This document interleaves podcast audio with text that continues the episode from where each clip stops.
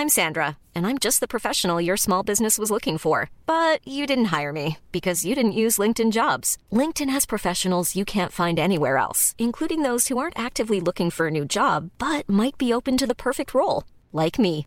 In a given month, over 70% of LinkedIn users don't visit other leading job sites. So if you're not looking on LinkedIn, you'll miss out on great candidates like Sandra. Start hiring professionals like a professional. Post your free job on linkedin.com/people today.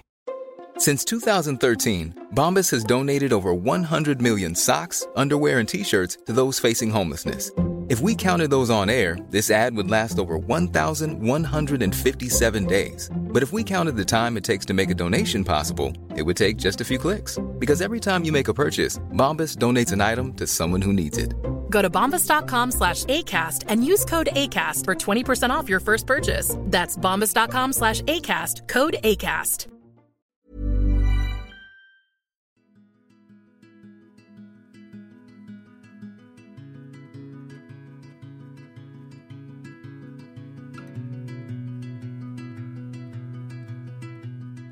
Hej och varmt välkomna till podden Sorgsnack.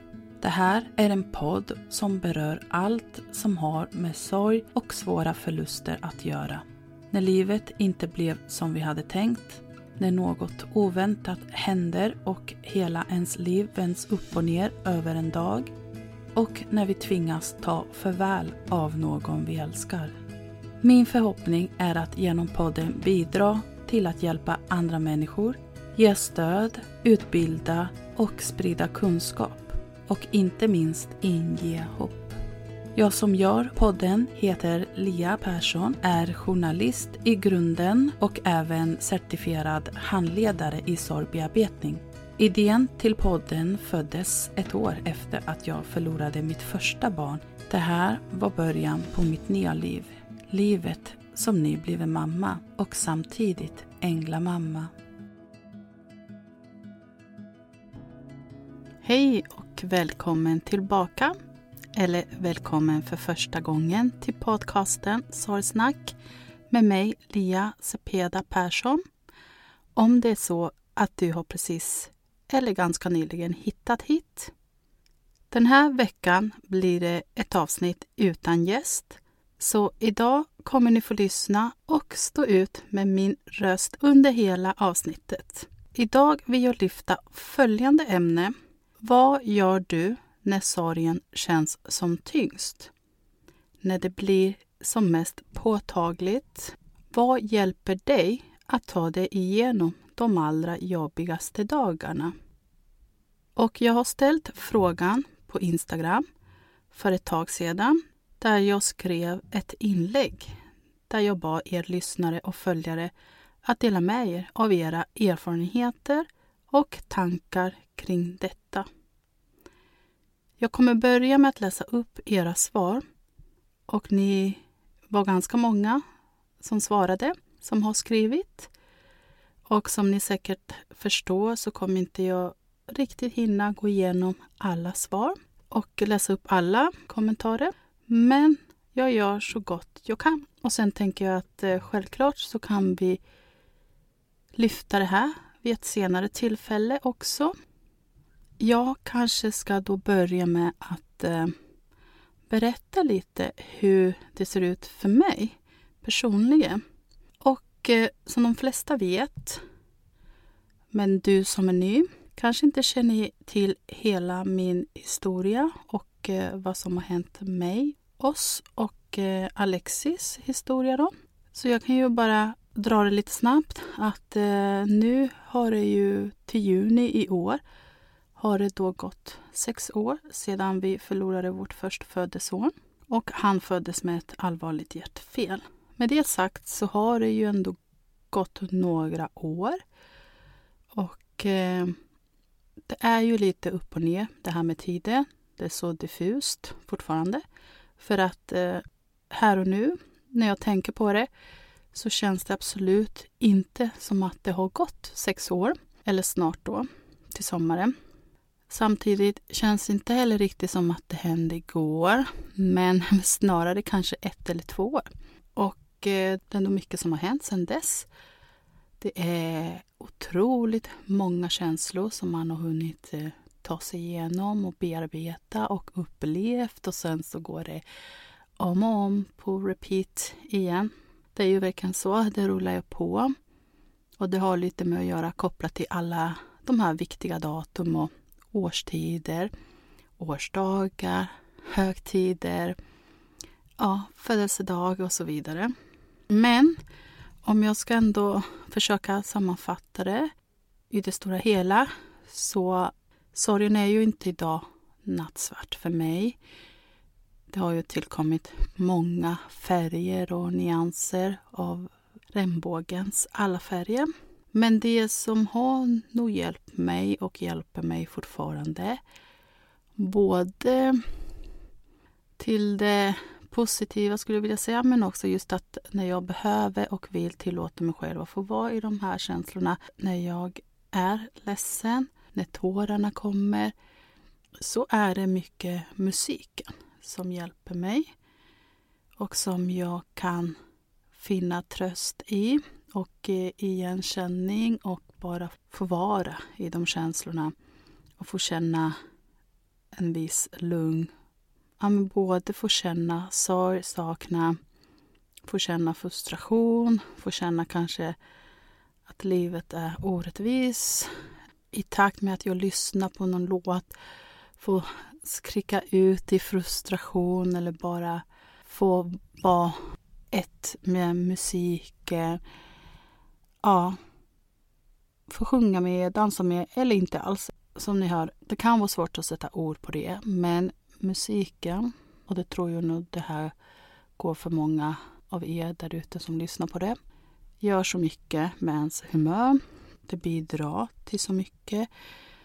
Släpper ut de här positiva tankarna och eh, endorfin i kroppen och man känner sig euforisk ibland. Ehm, men också så här, man kan känna lugn i det och kan koppla vissa låtar till den här personen då som man har förlorat.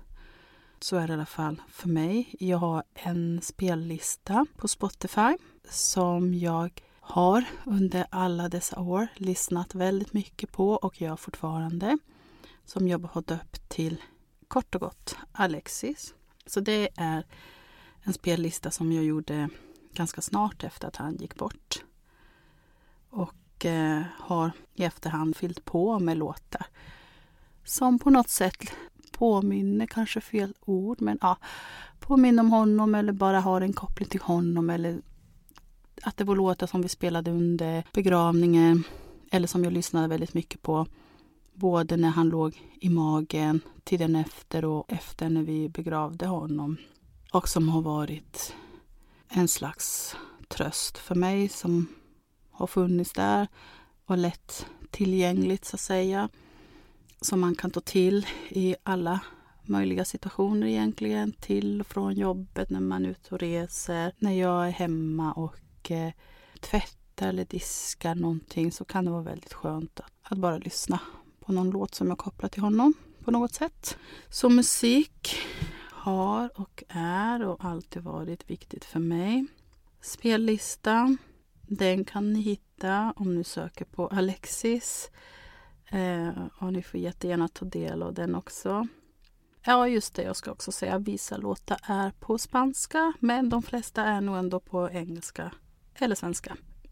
Den låten som faktiskt jag kanske då förknippar mest med honom är Shirley Clamps Jag fick låna en ängel. Som jag vet att framförallt då kanske föräldrar som har mist ett litet barn kan relatera till. Sen har jag eh, Med dig vid min sida av Sara Dawn Finer. Otroligt fin låt. Sen har jag också Phil Carling som är en av mina absolut favoriter. You be in my heart från Disneyfilmen Disney-filmen Tarzan. Fix you med Coldplay. Också en stor favorit. Och nu hade jag hoppats att jag skulle haft eh, möjlighet att spela upp några av de här låtarna för er. Men som sagt, de finns på Spotify. Så det är bara att ni söker eller letar efter min spellista där som går att dela. Så musik. Men sen ska jag även då säga att eh, för mig under alla de här åren som har gått så har det självklart varit mina, eller ja, våra hundar som har varit eh, bidragande faktor till att orka med det hela. Att bara få känna deras närvaro och kärlek har ju varit ovärderligt, verkligen. Sen brukar det hjälpa också att jag skriver. Och det är någonting som alltid har fört sig liksom naturligt för min del som skrivande journalist. Det är otroligt förlösande och eh, ja, att självklart idag så handlar det ju väldigt mycket också om att eh, få närhet och kärlek och eh, framförallt få visa kärlek. Bara umgås med mina två barn som jag har här på jorden. Det är ju självklart också ovärderligt och så, så viktigt att få ta hand om dem och få se dem växa och utveckla. Så barnen gör så mycket, ger så mycket. Självklart så kan jag faktiskt finna en viss tröst och eh, ro på något sätt i själen ändå av att eh, sätta mig i bilen och köra till kyrkogården och besöka Alexis och bara få vara där. Helst själv när jag verkligen behöver det. Bara få ta in lugnet, bara få vara i stunden, vara i nuet. Jag tror nog jag skulle säga att det är mest där och då som jag verkligen kan bara vara i nuet och stänga av allt annat runt omkring. För är jag där så är det det som gäller och att bara stå där framför hans lilla grav är ju både så surrealistisk än idag och samtidigt på något sätt ge mig en slags känsla av ro och frid i hjärtat. Och allting blir också så här definitivt eh, på något sätt och mer påtagligt såklart. Men ändå på något konstigt sätt så känns det ändå okej okay och fint att få vara där. Men då också att tillåta sig själv att ta in allt som det medför med just att befinna sig på kyrkogården omringad av döda människor. Om man själv känner sig så levande och tacksam ändå över livet och att man får vara med i det här livet. Att man får vara med om allt det här som man är med om och få uppleva allt det man gör och att man faktiskt kan känna ändå tacksamhet och glädje över det. Hur konstigt det kanske låter för vissa men ja, som man brukar säga, man blir ju lite mera ödmjuk inför livet också. Man är ju fullmedveten om att det här är ju ingenting att ta för givet, absolut inte. Så därför när jag väl är där och så in i det så känner jag ändå så tacksamhet och lugn. Och sen är det också så här konstigt för att när jag står där så står jag faktiskt och tittar rakt ner i graven där jag eh, själv kommer att begravas när min tid här är över. Och det vet jag. Det är så sjukt, men det vet jag redan idag och det visste jag redan när jag var 33 år. Då fick jag stå där och välja min gravplats. Så det var inte bara så att jag och min man valde grav till Alexis utan vi valde grav till oss själva också. Det är otroligt speciellt skulle jag vilja påstå.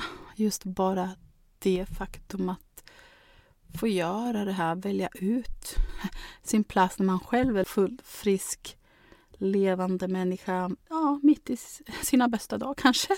Jag vet inte, förhoppningsvis, men liksom mitt uppe i livet och nybliven förälder. Ja. Så konstigt, så otroligt, otroligt konstigt. Och fortfarande idag så många gånger känns det, har det här verkligen hänt? Eller är det bara en film? Är det någonting som bara jag har drömt om eller så? Eh, och så känns det många gånger ju. Har jag verkligen varit med om det här? Och jag tror nu att ni är många där ute också som kan hålla med om de här känslorna. Alltså overklighetskänslorna som kan infinnas ibland och att man bara ställer sig frågan Har jag verkligen varit med om det här? Hur sjukt är inte det? Och ändå så står jag här idag. Ändå orkar jag. Fast jag kanske inte orkar, men ändå så fortsätter livet utanför den här bubblan jag lever i. Det som blev liksom min bubbla, min värld av verklighet. Och det livet utanför, är det ens liksom verkligheten? Eller, nu kanske det låter lite flummigt, men samtidigt så tror jag, är jag helt övertygad om att jag inte är ensam om de här tankarna och känslor. Men okej, okay, om vi ska sammanfatta lite kort. Musik får hälsa på oss Alexis och mina barn. Närhet, kärlek till dem jag älskar och håller kär. Det är väl det som hjälper mest. Och såklart att få skriva av mig, få sätta ord på mina känslor. Ja, nog om det och eh, nog om mig. Nu ska jag eh, läsa upp det ni har skrivit och dela med er av. Det är så mycket bra här. Vissa av er har då valt att vara helt anonyma. Självklart är det ju helt okej. Okay. Medan vissa har sagt att det är okej okay att ange namn. Vi har Sandra som skriver så här. Jag går till jobbet och hjälper andra att må bra. Jag är sjuksköterska. Så otroligt fint. Jag förstår verkligen att den här känslan av att kunna hjälpa, stötta, finnas där för andra gör mycket för en själv också. Och så viktigt arbete du gör. Vi har Emma som har skrivit jag pratar med vänner och familj, går en promenad med hunden och framför allt tillåter mig att känna. Jovanka skriver bara är, gråter, tittar på foton. Och det är ju också jätteviktigt det här att just bara få vara i de känslorna som är där och då. Och titta på foton, ja, så fint. Jag kan verkligen relatera till det också. Hur viktigt det är med just de minnena som vi har kvar. Maria skriver nästan samma sak här. Jag låter mig få vara ledsen, titta på gamla bilder, promenera, gå till dotterns grav och lyssna på musik. Ja, Maria. Kan du skriva under på alla de här också. Sen är det Malin som skriver så här. Jag har en hoodie som har varit min mans. Den kryper jag in i när saknaden blir för stor. Mm.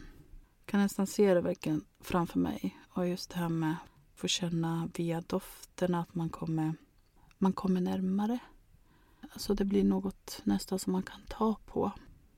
Någon annan här som skriver gällande musik. Musik hjälper mig mycket att lyssna på musik. Jag har, också, jag har en spellista. Ja, vad fint. Här är någon annan som har gjort en spellista och lyssnar mycket på låtar från begravningar. Jenny skriver, stannar upp och låter mina känslor få komma. Sen vill jag oftast städa, rensa, sortera saker. Eller så vill jag odla och ta hand om mina blommor. Ja, vad fint. Men det här med hantverk och hantarbete. Jag får faktiskt alltså, göra någonting med händerna. Det är också något som, är, som många brukar säga brukar hjälpa. Att få skapa saker, alltså göra och hålla sig lite så sysselsatt med just med händerna. Att få göra saker med händerna. Vi har någon som skriver Jag går och lägger mig.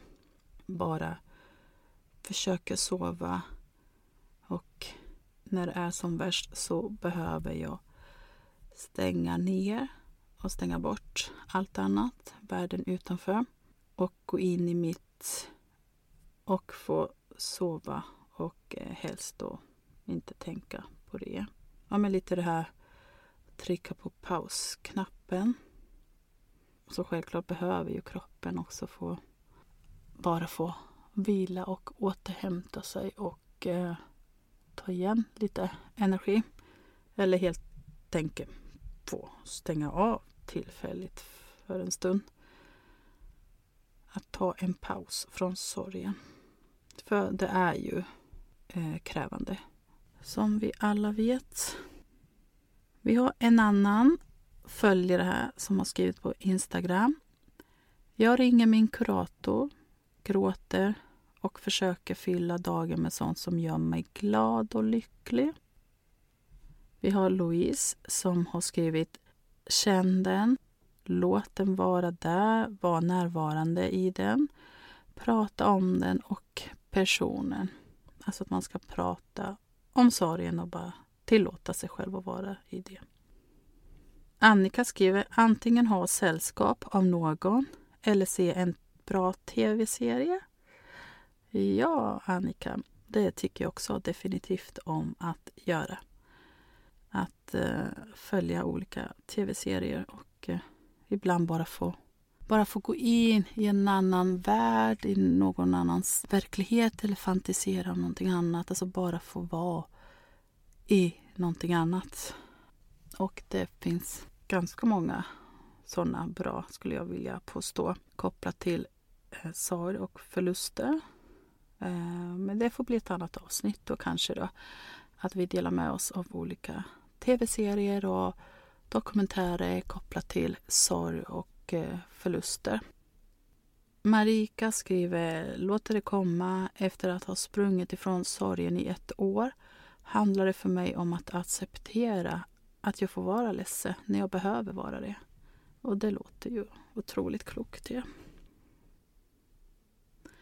Sen har vi någon som skriver här. Jag brukar fixa i hemmet, rensa och sortera i diverse lådor och hyllor. Har också lagt en hel del pussel. Även om jag normalt, även om jag normalt inte gillar det. Allt som får mig att ändra fokus från det jobbiga. Ibland hjälper det också att promenera eller att prata med någon vän eller anhörig. Helena skriver Jag tänder ljus och tittar på foton. Om ångesten så går jag till kyrka. Ilva skriver Jag gråter, pratar med mina närmaste vänner, gråter mer. Sen går jag ut och går. Försöker bryta tillståndet för jag känner inte att det tar mig framåt när jag hamnar i det djupa hålet. Jag måste upp därifrån, annars går jag sönder. Vi kan ta upp två till här. Tina skriver Om det är sorg så gråter jag.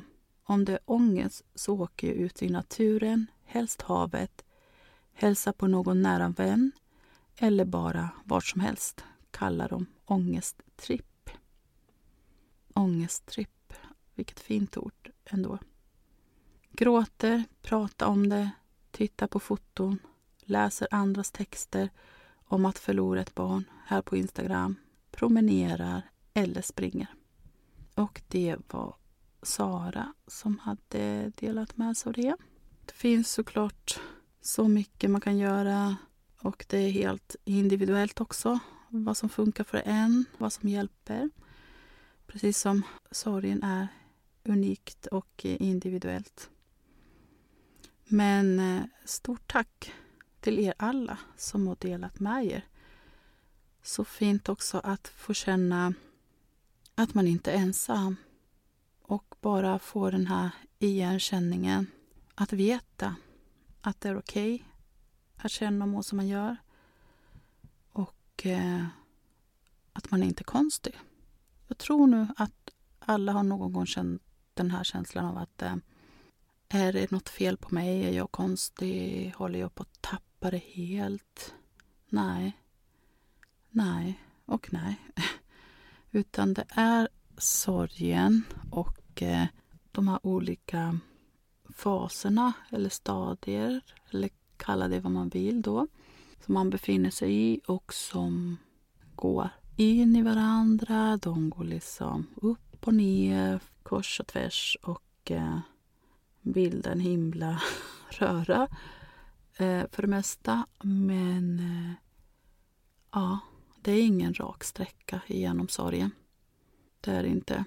Men vi måste alla hitta vår unika väg och eh, bana väg för oss själva.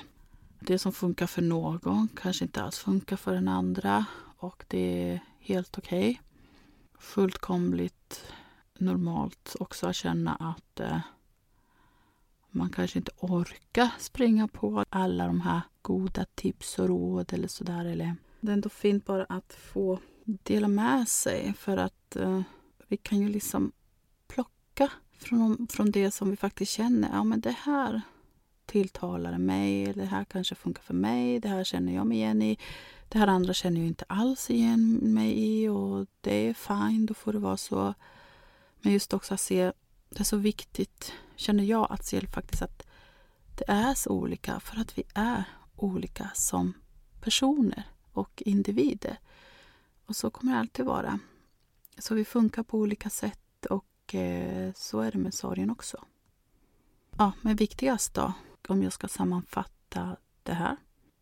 Ge inte upp, fortsätt hitta de sätten som funkar för dig. Hitta det som, är, som känns liksom viktigt och värdefullt för dig. Det behöver inte följa någon viss mall. Det finns ju inget facit, det vet vi ju. Men vi kan i alla fall ta hjälp av varandra, stötta varandra och sprida värdefull kunskap och eh, inte minst då förståelse för vad vi går igenom och hur vi upplever det och också så här, hur vill vi liksom ha det och bli bemötta i vår sorg. Vad behöver jag för att ta mig igenom det här? Ja, men jag hoppas att eh, du som har lyssnat har fått lite mera om att det faktiskt kan bli bättre. Lite hopp om framtiden kanske. Om inte åtminstone lite igenkänning. I'm Sandra and I'm just the professional your small business was looking for. But you didn't hire me because you didn't use LinkedIn jobs. LinkedIn has professionals you can't find anywhere else, including those who aren't actively looking for a new job but might be open to the perfect role, like me. In a given month, over 70% of LinkedIn users don't visit other leading job sites. So if you're not looking on LinkedIn, you'll miss out on great candidates like Sandra. Start hiring professionals like a professional. Post your free job on linkedin.com/people today. Hey Dave. Yeah, Randy. Since we founded Bombus, we've always said our socks, underwear and t-shirts are super soft. Any new ideas? Maybe sublimely soft or disgustingly cozy. Wait, what? I got it. Bombus absurdly comfortable essentials for yourself and for those facing homelessness. Because one purchased equals one donated. Wow, did we just write an ad? Yes. Bombas. Big comfort for everyone. Go to bombas.com slash ACAST and use code ACAST for 20% off your first purchase. När det här kommer ut så är det söndag den 11 februari. Och då är det bara tre dagar till alla hjärtans dag. För mig och för oss som alla vi som har ett hjärtebarn eller som har förlorat ett hjärtebarn vet att eh, den 14 februari är ju inte bara alla hjärtans dag utan det är ju alla hjärtebarnsdagen då man uppmärksammar alla barn födda med hjärtfel. Och det här pågår egentligen under hela februari månad. Alltså hjärtebarnsmånaden som är februari. Och till minnet av Alexis och för att stötta och hjälpa andra föräldrar i det här så har jag valt att eh, starta en insamling till förmån för Hjärtebarnsfonden som är då en ideell organisation som finns till för hjärtsjuka barn och deras familjer. De bidrar med att eh, dels stödja barn som ligger på sjukhuset och sen också självklart väldigt mycket till forskning. Men de kan också bevilja begravningspeng. Föräldrar till barn som har dött kan ansöka om att få bidrag. Och det tycker jag är jättefint. Alla som har begravt ett barn eller någon annan älskad person vet ju att det är, det är inte billigt. Och eh, kanske framförallt inte då när det handlar om ett litet barn där det inte finns något så att dödsbo eller annat liksom att hämta pengar ifrån för att finansiera en begravning. Så av den anledningen så kanske det är lite extra viktigt också att eh, få lite hjälp med det. Så vi fick en liten peng och eh, det är jättefint att de hjälper till med det också. Jag hoppas att du som lyssnar går in, skänker en liten slant. Ja, som man brukar säga. Alla kan inte göra allt, men alla kan göra något. Du hittar insamlingen om du går in på mitt Instagramkonto via Sorgconsulting. Klicka där på länken som finns i bion och eh, går du in där så kommer du se att det står insamling till förmån för Hjärtebarnsfonden. Och det pågår ju då fram till den 29 februari. Så hjälp mig snälla, snälla att eh, uppnå målet. Varenda liten krona är jag så otroligt tacksam för och jag vet att det gör skillnad på riktigt. Kan låta klyschigt men tro mig, jag vet i och med att jag varit där i den situationen så vet jag verkligen att det gör skillnad och betyder så, så mycket för de som verkligen behöver det. Så tack, tack, tack för det. Och eh, är det så att du inte har möjligheten att bidra så vore jag otroligt glad om du kunde i alla fall dela det vidare. Så dela insamlingen och sprida det på dina kanaler. Det är ju också så att det kan för många, lika väl som det liksom förknippas med att den här dagen finns till för att fira kärleken och även visa sin uppskattning för varandra. kan vara en partner, förälder, barn, vän, kollega och så vidare. Men jag vet också att alla hjärtans dag kan vara en dag som känns lite extra tungt när man har förlorat en älskad person. Och som jag brukar säga, det kan både vara fint att eh, ja, men, uppmärksamma den här dagen men det kan också vara lika mycket smärtsamt. Att bli påmind om den här dagen. Eller alla de här inlägg man kanske ser på sociala medier om med sina respektive eller barn eller andra där man bara drunknar i alla såna här positiva inlägg. Ja, som ibland man kanske kan känna att det blir för mycket. Framförallt när man själv är i sorg eller om man saknar någon, att det blir för påtagligt. Därför har jag också valt att ha en liten utlottning kopplat till alla hjärtans dag med då mer i syfte om att ägna sig åt lite självkärlek och ta hand om sig själv. För det behöver vi ju alla som går igenom svåra saker i livet och inte minst när det handlar om sorg och svåra förluster. För sorgen sätter sig i kroppen och det vet vi också. Och då är det extra viktigt att faktiskt ta hand om sig själv. Så inför då alla hjärtans dag har jag satt ihop ett eh, ta hand om dig-kit som jag lottar ut via mitt Instagram, Sorgconsulting. Så missa inte den här chansen att kunna ge dig själv och din kropp lite extra kärlek och omtanke. I nästa avsnitt så kommer ni få lyssna till ett samtal mellan mig och min man Jonathan. Så han är inbjuden som gäst igen. Och eh, den här gången blir det faktiskt eh, ett samtal om någonting som jag inte har berättat om i podden tidigare. Det är ändå en stor trauma kan man väl säga och sorg också i det. Det var ju någonting som hände när vår dotter Eileen föddes 2019. Så det här inträffade då efter Alexis. Men det var faktiskt så här att när hon föddes så blev det inte riktigt som jag hade trott och hoppats på. För att göra en lång historia kort, ni kommer inte få lyssna på det här i nästa avsnitt. Men hon föddes vaginalt och någonting hände. Så jag eh, fick inre blödningar, vilket upptäcktes rätt så snabbt efter att hon kom ut. För att jag hade så fruktansvärt ont. Ja, men det var helt orimligt att ha sådär ont när hon redan var ute. Det var tio gånger värre än förlossningssmärtorna. Och jag har ju liksom fött vaginalt innan så jag visste precis ja, men typ hur det skulle kännas och inte då direkt efter en förlossning. Eh, och det här var ingenting som det som första gången. Så ja, det slutade med att de upptäckte att jag hade inre blödningar och jag fick akut opereras. Och jag minns när de när jag låg i sängen och de körde mig ut från eh, BB och skulle in till operationsrummet så säger dels en läkare då att eh, ja, vi måste operera dig men vi kan inte söva dig för att vi är rädda då att du inte kommer vakna igen om vi söver ner dig.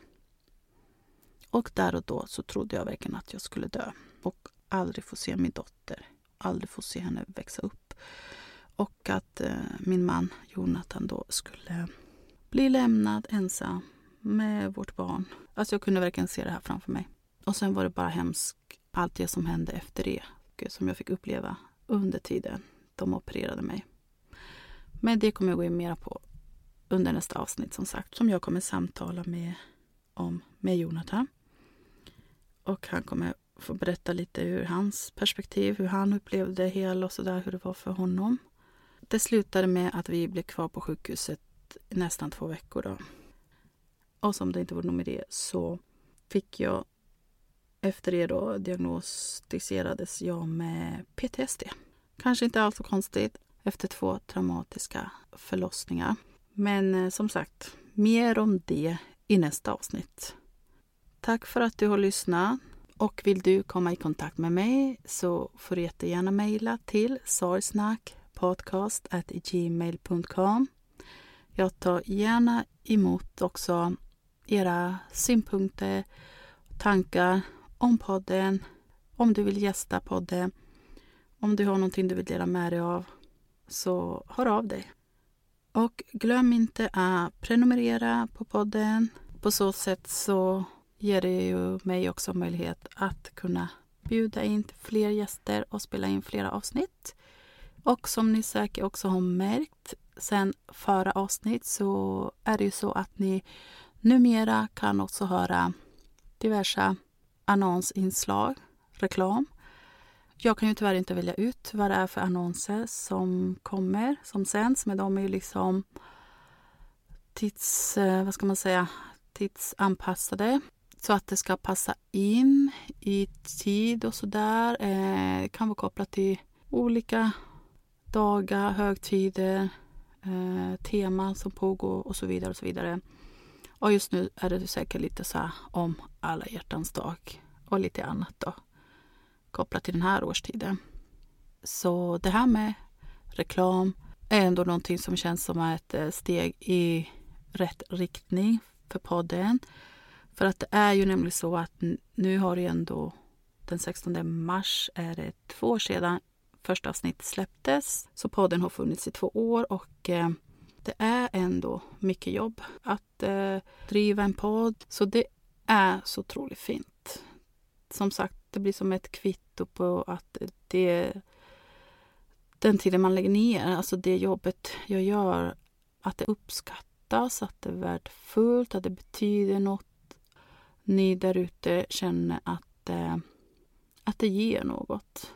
Och det betyder allt för mig. Det är därför jag gör det. Jag gör det för er. Jag gör det för att kunna sprida kunskap och förståelse och eh, få vara också en röst för er som inte kan eller kanske inte vill själva men ändå behöver det här och eh, framförallt för att vi i samhället ska bli bättre på att bemöta varandra när vi går igenom svåra förluster, svåra perioder i livet. För det behövs att vi blir bättre på att själva prata om sorg men också bemöta varandra i det. Så tycker du att podden är viktig, fortsätt gärna att lyssna och eh, dela. Sprid det till dem som du känner, de du tror skulle ha nytta av det, kanske i sin profession eller bara privat. Och eh, ja, vad kan man säga? Vi kommer alla att drabbas av sorg förr eller senare. Så jag tror starkt på att eh, det här är någonting som gynnar alla oavsett vart eh, i livet man befinner sig. Tack! Ta hand om dig och varandra. Vi hörs nästa vecka. Hej då!